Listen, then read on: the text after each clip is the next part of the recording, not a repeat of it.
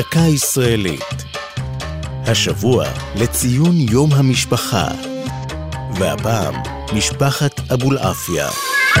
בראש הרשימה האלפביתית של מייסדי העיר העברית הראשונה, תל אביב, נמצאת משפחת אבולעפיה, הוותיקה ממשפחות המייסדים.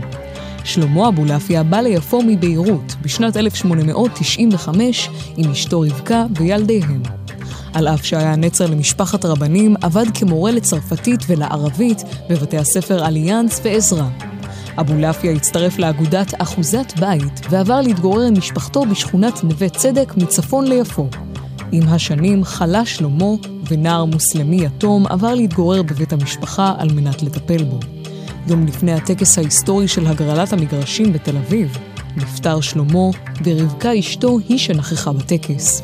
אותו נער ערבי שבגר ביקש מרבקה לשמור על שם המשפחה משום שחש שייך לביתם.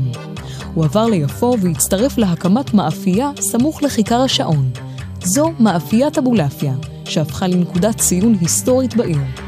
כאות כבוד ודוגמה ליחסים בין יהודים לערבים, משביתה המאפייה את פעילותה במהלך חג הפסח.